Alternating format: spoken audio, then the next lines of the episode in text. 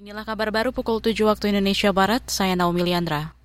Peringatan Hari Anti Korupsi yang jatuh pada hari ini disebut hanya akan menjadi seremonial semata. Bekas pimpinan KPK Saud Situmorang menilai nasib pemberantasan korupsi ke depan makin suram.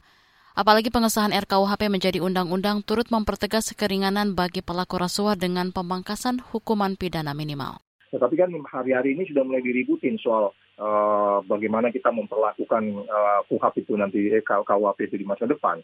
Jadi uh, uh, kalau kita mengatakan bahwa kemudian uh, kondisi ini apakah akan menjadi lebih baik, saya selalu mengatakan uh, ada saja undang-undang yang jelek, tapi pelaksanaannya bagus. Tapi kalau undang-undangnya undang-undangnya jelek, kemudian pelaksanaan jelek, ini yang disaspernya gitu. Nah itu lebih kepada style kepemimpinan nasional ya.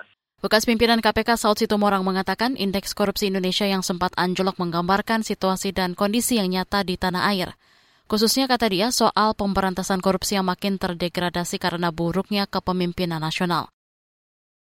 Peneliti Lembaga Kajian Ekonomi Indef Izudin Al-Aras Ada menyebut sektor e-commerce atau perdagangan elektronik dan bisnis antar makanan online merupakan dua kontributor terbesar pada ekonomi digital di Indonesia. Kedua sektor tersebut diprediksi masih bakal berkembang pesat.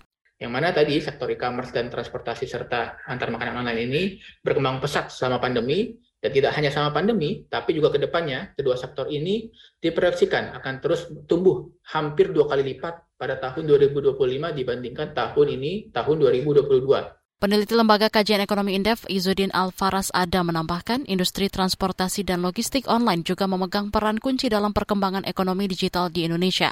Kata dia, seluruh pemangku kepentingan meski mengantisipasi tantangan serta mengambil peluang agar ekonomi digital bisa jadi sumber pertumbuhan ekonomi baru Indonesia.